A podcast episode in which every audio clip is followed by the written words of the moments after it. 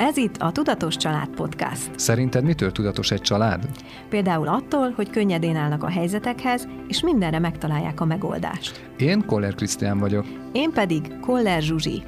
Ez, Ez pedig a Tudatos Család Podcast.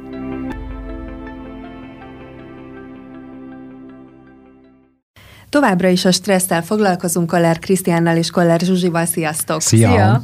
A párkapcsolati stresszről beszélgettünk a múltkor, de annak a beszélgetésnek az elején Krisztián azért több részre bontottad a stressz helyzeteket, és a másik ilyen nagy csomag az a gyerekneveléshez kapcsolódik ebben átadnám a terepet, hogy hát hol van a stressz a gyereknevelésben, mikor olyan édesek, aranyosak és cukikák. És cukikák. Hát igen, amikor nem fogadnak szót, amikor már besokalunk belőlük, meg hát szóval ilyen egyéb apróságoknál jön biztos a, a stressz. Én azt gondolom, hogy ugyanúgy, ahogy a párkapcsolatnál is, hogy a gyerek be tudja bennem kapcsolni a saját magam elvárásait, és ugyanúgy, hogyha a gyerek egyébként nem tudja kifejezni az ő érzelmeit, tehát hogy itt egy, tehát itt másképp kell megnéznünk ezt a helyzetet, legalábbis szerintem, mint ahogy a párkapcsolatnál, ám bár itt is ugyanúgy rólunk van szó, hogy ő ki tud engem akasztani, vagy nem, de ott nagyon fontos az is, hogy ő nem egy felnőtt, hanem egy gyerek, és nem biztos, hogy ő az érzelmeit a helyén tudja kezelni, és én azt gondolom, hogy egy szülői minta az sokat tud egyébként a gyermeknek segíteni, hogy ő hogy kezelje saját magát. Meg hogy utána meg tudja találni azt, amivel ő meg tudja nyugtatni saját magát. Így van.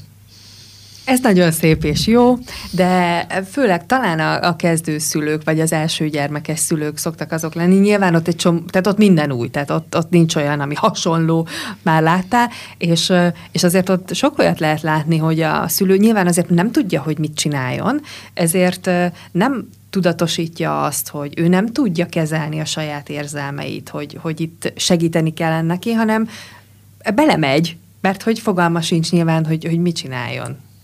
Így van. Az első stressz akkor szokott lenni, mikor egyébként megszületik a gyerek, tudom ezt szoptatni, nem tudom ezt szoptatni anyuka részéről, amikor uh, emlékszel, hogy hazajöttetek ti is, vagy hát úgy ugye a gyerekkel hazajöttünk, és ott volt egy ismeretlen helyzet. És ugye volt egy képzeletbeli dolgunk, vagy egy elképzelésünk, ó, hogy a gyerek az cuki, az majd aludni fog, hogy bepelenkázunk, és akkor ott aludni fogunk, és akkor, és akkor ő neki nem áll ez be, hanem amikor három óránként fel kell, sír a gyerek, nem tudok vele mit kezdeni, főleg így az elején, akkor szerintem ez így nagyon-nagyon ö, új helyzet van, és hát ilyenkor szokott lenni egy ilyen kisgyermekágyas, egy ilyen kis depresszió az anyukánál, mert ugye nem az volt az én fejemben, tehát volt egy elképzelés a fejembe, ami egyébként nem valósul meg, és másképp alakul, és azért óriási csalódok, ugye, és nem a gyerekben, hanem egyértelműen magamban, mert hogy nem az elképzelésem szerint alakul ez az egész dolog. És mit kezdesz majd ezzel? És akkor ráadásul nem csak úgy csalódok, hogy nem tudom, hogy hogyan kell kezelni ezt a helyzetet, hanem elképesztő módon fáradt is vagyok. Tehát én, én arra emlékszem ebből az időszakból, hogy, hogy nekem az volt ebben a kiképzés, hogy nem, nem tudtam kipihenni magam, nem tudtam aludni, nem egyáltalán, tehát semmilyen sem nappalunk nem volt, ez így nálunk így évekig ö, sikerült ö, ezt így elhúzni, ezt az időszakot, és, és ezt értem meg rosszul, hogy, hogy még ha tudnám is, hogy hogyan szeretnék reagálni egy adott helyzetben, mert mondjuk értem, hogy a gyerekkel mi történik, akkor sem vagyok rá képes, mert annyira fáradt vagyok, hogy a saját érzéseimet és indulataimat sem tudom kordában tartani. Tehát nekem mondjuk ez volt a legfőbb nehézség. Igen, de egyébként sok, én most azt látom, hogy sok szülőnek ez az egyik legnagyobb stressz forrása, hogy nem tudja magát kialudni, Igen. és akkor már nem tud egyébként a párjához sem úgy viszonyulni, a gyerekhez sem, és hát ebből rengeteg stressz uh, alakul ki. Mert ugye utána jön egy hatalmas bűntudat igen, hogy az anyának, a nőnek, hogy, hogy hát igen, tudtam, vagy tudom, hogy hogyan kellett volna, de annyira fáradt vagyok, hogy nem voltam rá képes, és ezzel elkezdem magam bántani, leértékelni, hogy hát én akkor ebben sem vagyok jó nem tudom jól csinálni. Nem tudom jól csinálni, és ilyenkor mi szoktuk azt javasolni, hogy be kell osztani, hogy ki mikor alszik lehetőleg, tehát hogy felváltva, gyereket vigyék el, addig anyuka otthon, és akkor ameddig lehet, akkor egy babakocsi körre mondjuk apuka tud segíteni, és nagyjából hát itt a stresszkezelés az most ugye a fáradtságról hát az oknak a megszüntetése, megszüntetése lenne, és hogy ilyenkor egyébként megegyezések vannak, hogy hogy, hogy, hogy tud jól működni, hogy, hogy mindenki nyugodtságban tudjon lenni. És itt is ez a kérdés, hogy, hogy mi az, ami működik nekünk, hogy fog ez kialakulni. Mit tehetek, mit ami ezt megváltoztatja? Igen. Szóval, hogy ugye ez, ez az első karika szerintem a szülőknél, ez szerintem 90%-ban lejátszódik a, a, a az anyu családoknál, így van. Viszont ez lehet, hogy a, az apának kell, hogy legyen egy üzenet, mert mert a, amit a Zsuzsi mondtál, hogy tehát a, a fáradtság, ezt mindenki tudja, hogy akkor így bármit megtennél, hogy ez az adott helyzet véget érjen, vagy hogy téged hagyjanak ki ebből az egészből, de nem biztos, hogy el tudod mondani, meg ugye ott az a bűntudat, hogy hát te amúgy jó anyának is szeretnék lenni. Igen, tehát hogy akkor, akkor ez, ennek a stressznek a feloldása első körben lehet egy jó tanács akár a, az apáknak is, hogy ilyenkor egy kicsit lehet, hogy határozottabban lépjenek fel, hogy hadaludjon, és majd, hogyha képes lesz újra kommunikálni, akkor meg lehet beszélni ezt, hogy akkor ki mikor mit csinál, és ki mikor alszik. Igen, viszont attól az apa is stresszes, hogyha az anya stresszes, mert egyébként én most mit, mit tehetek erről, és nyilván, Igen. hogy, hogy ilyenkor tehát hogy felfokozott stressz állapotban vagyunk. Ráadásul ugye van az is, hogyha az anyuka föl kell, akkor én is oda megyek, jaj, mit segítsek neked, és akkor már ketten nem alszunk, tehát akkor már ketten vagyunk fáradtak, és akkor azért szoktuk azt javasolni, hogy ezt ilyenkor osszuk. Beszéljék meg. Beszéljék igen. meg, és megegyezésben, hogy hosszuk fel, hogy mikor ki mit csinál, és hát ez megborítja ugye az egész előző hónapokat, éveket, hogy ahogy működött egy, egy jól megszokott szokás, ami kialakult, az borul ilyenkor általában, ha nem alszunk. Most, hogy túl vagyunk az első ilyen nagyobb stresszen, mi a következő szerintetek? Amikor a gyerek elkezd úgy viselkedni, ahogy azt gondoltuk, hogy nem fog. Igen. Tehát megint csak Mikor nem nyilv... az elvárásoknak igen, megfelelően. Nem, nem semmi ilyesmi. amikor azt gondoljuk, hogy, hogy ugye láttunk már hisztiző gyermeket a boltban, vagy, vagy gondoltuk már valakinek a, valaki ilyenek a gyermekéről, hogy milyen neveletlen, tehát ezek a kis elképzeléseink kezdenek aztán megdőlni, mikor a gyermekünk ugyanezt produkálja, pedig mi minden nevelési elvet úgy követtünk, ahogy szerettünk volna. Szerintem ez is egy hatalmas stressz helyzet tud lenni. Már alapból az a szituáció, hogyha a gyerek önmagából kikelve hisztizik, az önmagában már a szülőnek is egyrészt nagyon kellemetlen, másrészt meg, ha nincs is ott senki más, és nem kellemetlen, akkor az meg azért kellemetlen, mert nagyon fáj, hogy látod, hogy szenved, de neked is rossz, mert te is szenvedsz, ha ő szenved, és nem tudod orvosolni, vagy úgy nem tudod elsőre, hogy, hogy akkor hogyan tovább, vagy hogy tudtok ebből kijönni. Ez is egy nagyon-nagyon nehéz szituáció. Na és ezekkel Igen, mi van? már nincsenek otthon, szerintem ilyenkor egyébként a férfiak általában dolgoznak, vagy Igen. hát nincsenek otthon. De hogyha otthon vannak, akkor az is egy feszültséget jelent, mert nem igaz, nem tudod megnyugtatni, tehát hogy elkezdem akkor számoként, majd, én. majd én megmutatom, hogy én jobb vagyok, mint te, és hogyha sikerül, akkor még nagyobb bűntudat, és és elindul ugye a konfliktus, kettőnk között elindul az, hogy ki a jobb, és elindul ez a versengés, aminek egyébként biztos, hogy konfliktus a vége. Tehát ez a ki a jobb szülőnek a a igen, játéka. játéka. Igen, így szokott igen. elindulni, igen, és hogy te ezt nem tudod, majd én megmutatom, én rendesen vagyok, és itt már bele szoktunk menni általában jó zsaru, rossz zsaruba, itt aztán jön aztán minden, úgyhogy stressz, így a dominó borít minden, tehát hogy ez elindul. Nagyon szépen. Na és ezzel mit lehet kezdeni? Hát én azt vettem észre, két gyermek édesanyjaként, hogy elég sok minden múlik azon, hogy az édesanyja milyen gyorsan tanulja meg az önnyugtatást. Tehát valahogy, valahogy mi vagyunk ennek az origója, mert hát a gyermektől ugye nem várhatjuk el, hogy, hogy ilyen pici korában azonnal meg tudja magát nyugtatni, ez is a mi feladatunk, hogy segítsük őt abban, hogy ezt megtanulja, de először ezt nekünk kell megtanulni, és nagyon sokan vagyunk szerintem azzal úgy, akik ebben az időszakban ennyi évesen felnőtt fejjel kezdik el megtanulni az önmegnyugtatást, mert valahogy ez gyerekkorunkban nem sikerült, vagy, vagy nem úgy, ahogy, ahogy most működne.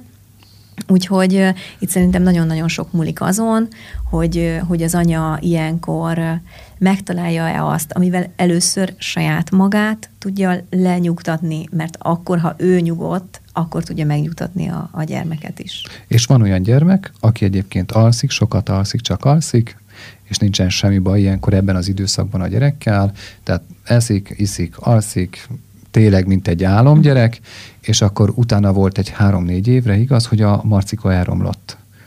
igaz, mikor mondta a keresztlányom, hogy a Marcika elkezdett menni, jönni, kiállni saját magáért, és akkor egy idő után ő nagyot változott, és akkor akkor mondta a keresztlányom a testvérére, hogy hát, ja, anya, szerintem a Marcika elromlott. Tehát, hogy van egy ilyen sztori, hogy, hogy aki ugye ezt, ezt a dacos időszakot is úgy szépen úgy jól visel, és eljátszik már, bocsánat, úgy mondom, hogy a sarokba, és nincsen vele semmi gond, akkor nem ilyenkor jön ez a történet, ez a csalódás, ugye, amit mondott a Zsuzsi, hogy, hogy megtanulom magamat megnyugtatni, hanem ez kitulódik, és lehet, hogy ez iskola korszakban jön el, vagy, vagy tínédzser korszakban. Tehát, hogy ezt megint csak gyermeke válogatja, hogy mikor jön el az az időszak, amikor egyébként ugye mindenki próbálgatja magát, és kipróbálja pozitív oldalát, negatív oldalát, tehát, hogy mindenki próbálgatja, és nagyon helyesen próbálgatja magát, de hát ezzel ugye a szülőnek a határát is próbálgatja, és hát ez ugye, amikor elromlik a gyerek, vagy próbálgatja a negatív oldalát, akkor ez egy csalódás lesz mindenféleképpen ugye nekünk szülőként. Amikor ugye mondtad, hogy az első, hogy az édesanyja megtanulja a saját magát megnyugtatni, ugye ez egy bravúros és könnyen megoldható feladat, de tegyük föl, hogy ez megvan. Uh, nyilván a gyerek is próbálgatja a saját határait, meg teszi, amit egy gyereknek tennie kell, de ugye azért ott meg hányszor hangzik el a mondat a szülőtől, hogy nyugodjál már meg. És akkor ugye megint ez a nyugodjál meg, mert attól majd megnyugszol, hogyha viszont már ott tart a dolog, hogy mondjuk nem, nem tudom, hogy ezt így meg kell tanítani a gyereknek, vagy miből fogja leszűrni, de szeretnél segíteni azzal, hogy valamit úgymond mutatsz neki, hogy hogyan lehet ezt csinálni. Ez így működik, vagy, vagy ő majd, majd egyszer rájön, és addig meg anya nyugtatja magát? Működik, egyrészt mindenkinél más idő, idő alatt tanulja meg a gyerek. Nekem az egyik fő tanulságom az az, hogy fogadjuk el, hogy nem elsőre, lehet, hogy nem másodikra és nem harmadikra fog működni, amit mondjuk szeretnénk neki tanítani, de ne adjuk fel.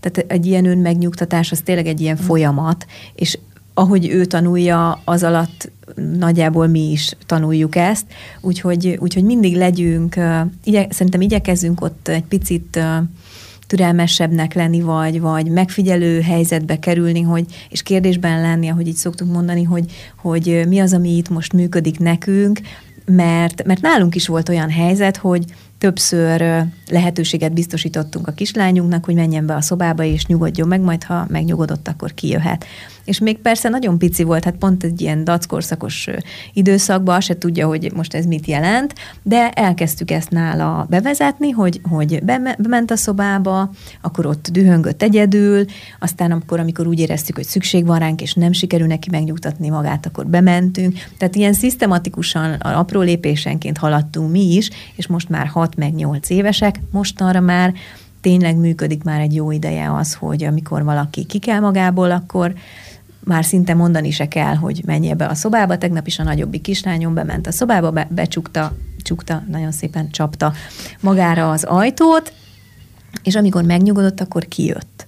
Tehát ez is mondjuk egy technika, nyilván van ezen kívül még sok-sok-sok technika, mindenki mindenkinél más működik, keresgessük, próbálgassuk, és, és csak közben fog ez kialakulni. Igen, de itt is kérdésben voltunk, mikor ő bement Igen. a szobába, akkor mi bementünk, oké, okay, mi, mivel tudnád megnyugtatni magadat? Igen. Tehát, hogy mindig ez volt a kérdés, hogy oké, okay, rendben, mesével, játékkal, bármivel. Plüsmacival. Plüsmacival könyvvel, könyvvel, vagy az én ölelésemmel először ezeket is felajánlottuk, hogy persze nyilván hmm. segítünk, aztán szépen megtalálták. Magukat. És akkor szépen most már be tud menni, és valószínű, hogy ő is kérdésben van magával. Na jó, akkor, na jó, akkor most akkor mivel most tudom, mit csináljak? Mit, mit csináljak, mivel tudom magamat megnyugtatni, hogy ebből az állapotból kijöjjek. Tehát, hogy effektíve példamutatással szerintem nagyon sokat tudunk ő nekik segíteni a stresszoldásban, és nem baj, hogyha ő stresszes, tehát, hogy Igen. mi mindenféleképpen, ugye ez egy ilyen nagyon olyan dolog, hogy úristen, hogy ő stresszel, akkor meg akarom neki oldani az ő problémáját. Neki nem azért, hogy én megoldjam neki, hanem az, hogy ez van, és ez kell is, mert más esetben is lesz ő az életében stresszes. Amikor nem vagyok ott. Amikor nem vagyunk ott, vagy mikor ő felnő, akkor olyan helyzetek lesznek, ahol ő neki érdemes, érdemes, érdemes kezelnie a, azt a, az eszközt, vagy azt a technikát, amivel ő egyébként ebből ki tud jönni. És hogyha én ezt megmutatom neki, akkor én is egyébként lehetek stresszes, és hogyha én is azt csinálom, hogy oké, okay, gyerekek, most ideges vagyok, és én is most elmegyek megnyugodni, és nézzétek, én úgy nyugszom meg, hogy jó, akkor előveszek egy könyvet, vagy kérdésben vagyok, hogy én nekem is most mi működik. És hogyha ezt egyébként én átadom ezeket az eszközöket a gyerekemnek, akkor azt gondolom, hogy egy sokkal könnyedebb, örömtelibb, lazább, családi köteléket tudunk kialakítani, hogy ne feszüljön folyamatosan ez az egész dolog. Itt az eszembe jutott, hogy amikor azért jön ez a dackorszak, és azért az embert próbáló a szülőnek ezt tolerálni, akkor akaratlanul is tudod bántani a gyereket azzal, hogy már megint miért Rossz nem, vagy. Igen, miért nem tudod megnyugtatni magad, miért kell ezt 26-szor is kérni tőle, tehát hogy, hogy ezért, és ezt valószínűleg nem bántásból, csak a türelmének a, az elfogyása miatt Igen, teszi. meg nincsen eszközünk erre, tehát hogy mi kimondottan szeretünk egy nagyon jó kis kommunikációs eszközt erre használni. Egyik itt vannak a kérdések, másik a számolásos technika, hogy határokat tudunk beállítani a gyereknél. Például mindig, ezt mindig szoktam emlegetni, hogy például mikor megyünk fürdeni a csajokkal, akkor először szólok, még kétszer fogok szólni, és akkor negyedikre ordítani fogok. És akkor ő még benne van a játékban, benne van az ő kis flójába, ott játszogatnak, és nyilván, hogyha én először szólok, és nem mennek be, a, és nem mondom, hogy hányadikra fogok én mondjuk feszültebben beszélni hozzájuk, akkor én kiszámíthatatlan leszek. Hm és éppen ezért ö, másodszor is szólok, hogy figyelj, még egyszer szólok csajok, és akkor negyedikre ordítani fogok, és ö, harmadikra már egyébként már jönnek ki a játékból, hiszen ők nem tudják az órát, nem tudják, hogy mi az az idő, ahol ugye ezt mind a szülőnek kell betartatni, tudom azt, hogy 8 akkor fürdés, mert hogyha nem fekszünk le 8 akkor a 10 órakor fekszünk le, akkor reggel 6-kor nem tudom, fáradtan kelnek föl. Tehát nagyjából van egy ilyen megfigyelés, hogy mire, mikor, mennyi időre van szüksége a gyereknek, meg nekem is arra, hogy elkészüljek. És hogyha ezeket az időket nem tartom, akkor alapvetően szerintem egyébként akkor nagyon gyorsan kialakul a feszültség.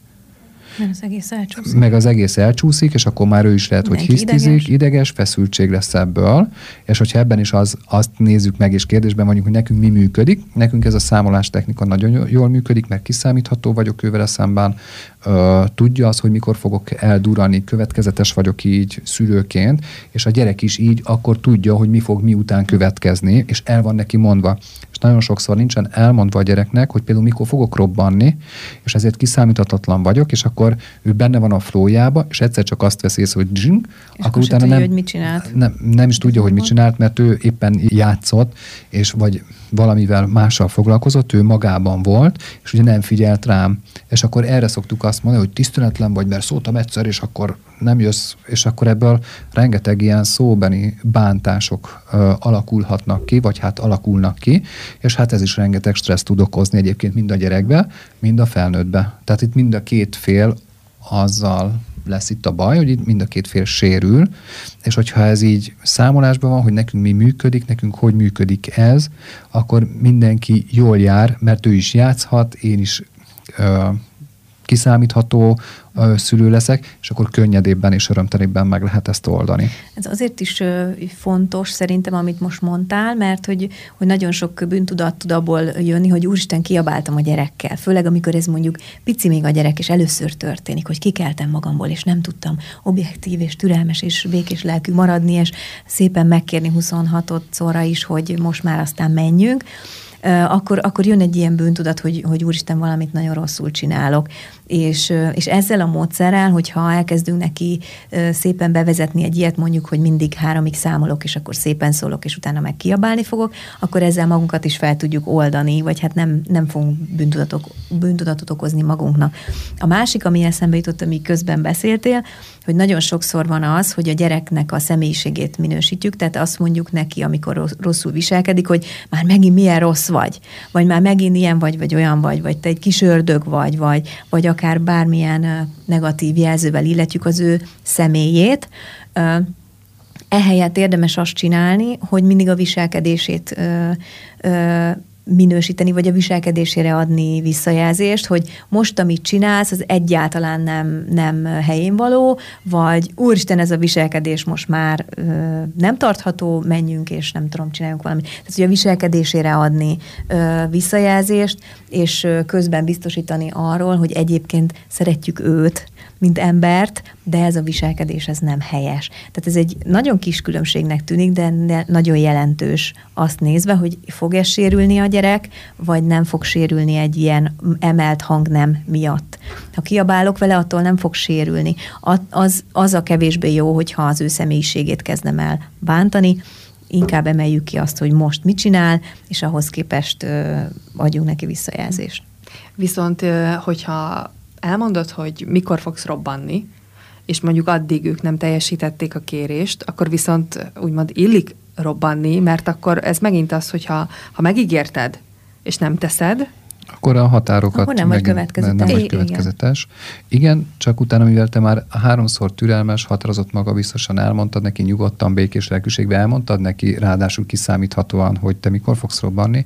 Ezeket, hogyha ezt gyermekkorban így megtanuljuk, hogy hol van a másiknak a határa, uh-huh. mert lehet, hogy valaki tízig számol, lehet, hogy valaki csak kettőig számol, tehát, hogy kinek ezt a türelmére lehet bízni, de biztos, hogy fog találkozni az életben olyan emberrel, aki ugye szépen, akivel lehet szépen és uh, jól beszélni, és valaki olyannal is fog beszélni, aki egyébként ordítani fog. És mert találkozik mind a két személyiség viselkedéssel, otthon, ezért egyébként mindegyiket fogja tudni kezelni másik helyzetekben. Szóval, hogy én azt gondolom, hogy nem kell egy burokban felnevelni a gyereket, hogy mindig csak szépen, csak jól, mert hosszú távon pontosan az lesz, hogy ő ebből a burokból nem fog tudni kilépni, vagy nem akar kilépni, éppen ezért ő neki nehezebb lesz például az iskola, mert ott lehet, hogy kap egy erősebb szólást mondjuk a tanártól, és lehet, hogy nem is neki szólnak, hanem egy másik ö, gyereknek, azt nem fogja érteni, hogy egyébként ez miért van, vagy hogy működik. Tehát, hogy a konfliktus helyzeteket, vagy a, csúnya beszédet is, az a leg konfliktus, csúnya beszéd, tehát kiabálásokat. Az emelt hangot. A... Emelt hangot. Igen. Azt is egyébként meg, én, mint szülő, ha megmutatom a gyereknek, akkor ő ezt természetesnek fogja venni, és nem, ilyen, nem, is, nem, hogy ilyen is van, és nem lesz ettől egy ilyen elzárkózása. És szerintem ezért is jó, hogyha ezt is megmutatom én a gyereknek, mint inkább, hogy egy ilyen burokban felnő, és akkor elmegy az iskolába, és ott találkozik, és ott nem fogja tudni azt a helyzetet, és akkor hazajön, és akkor azt fog kérdezni, hogy anya, ezt hogy kezeljem, és nem tudom, mert ugye itthon nincsen ez, tehát hogy nem, nem kapott ilyet a gyerek. És én azt gondolom, hogy nem burokba kell nevelni a gyereket, hanem életre kell nevelni, és az valahogy úgy van, hogy ott abban van pozitív, negatívum is. Ennek az a lényege, hogy az én nézőpontom, az én hozzáállásom az, az milyen, és hogyha esetleg én is belemegyek ebbe a negatívumba, akkor én azt hogy fogom tudni kezelni. És nekem minden az jut eszembe, a bocsánatkérésnek a megtanítása a gyereknek, hogy ez nem úgy történik, hogy elmondom neki, hogy ha csinált valamit a tesójával, akkor kéri a bocsánatot, mert ez nem szép dolog. Természetesen minden szülő ezt mondja, és amikor nem tud a gyerek bocsánatot kérni, akkor néz nagy szemekkel, hogy úristen, hát hogy, hogy nem tud, hát milyen ez a gyerek.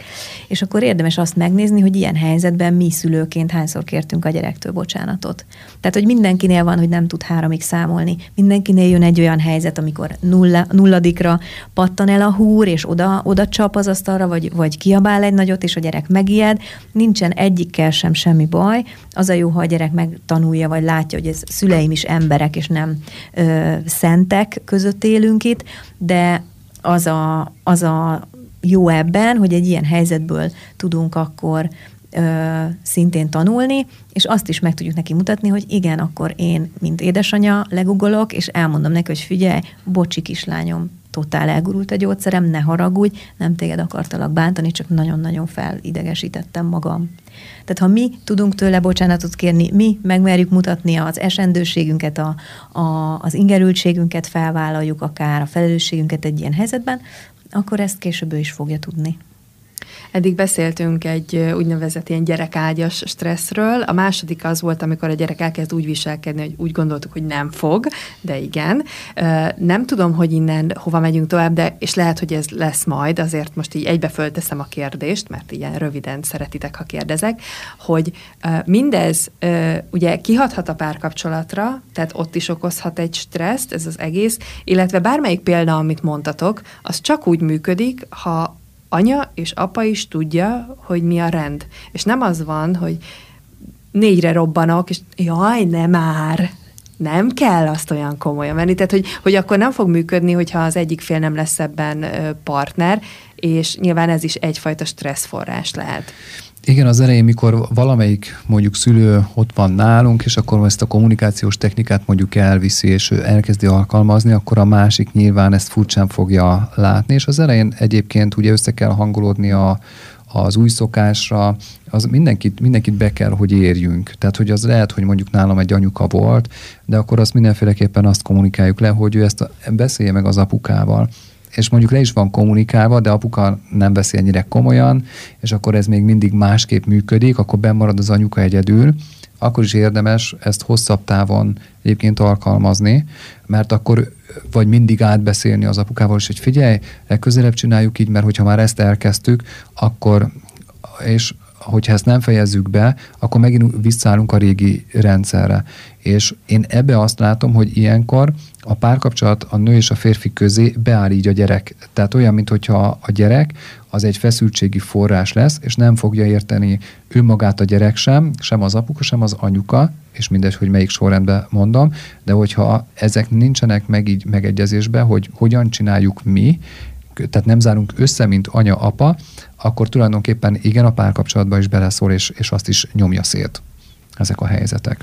És itt senki ne gondolja azt, hogy nálunk ebben tökéletes egyenlőségi lehet, lehet húzni kettőnk között. Tehát nincs olyan, hogy minden édesanyja és minden édesapa pontosan uh, ugyana, ugyanazt a fajta türelmi határértéket képviseli, meg ugyanannyit számol, tehát teljesen normális, hogyha van ebben eltérés, nincs ezzel semmi gond, csak nagyjából a, a szándék, meg a, meg a törekvés az, az mondjuk legyen hasonló, de a gyerek nem fog abban sérülni, hogyha azt látja, hogy mondjuk apánál lehet, hogy hétnél jön el a, a duranás, anyánál meg háromnál. Tehát, hogy ez teljesen normális, a gyerek is látni fogja, hogy különböző személyiségek vagyunk, és, és teljesen tökéletesen megtanulja, hogy kinél meddig lehet elmenni.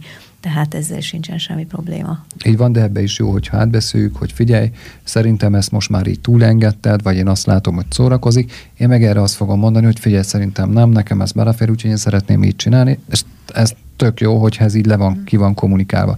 Ha viszont ugye ha nem úgy csinálja pontosan, ahogy én, és ezekre én is egyébként elkezdek rá stresszelni, akkor nyilván kettőnk között már ott a konfliktus, és akkor egyébként, ha nekem hét fér bele a számolásba, akkor nekem legyen hét.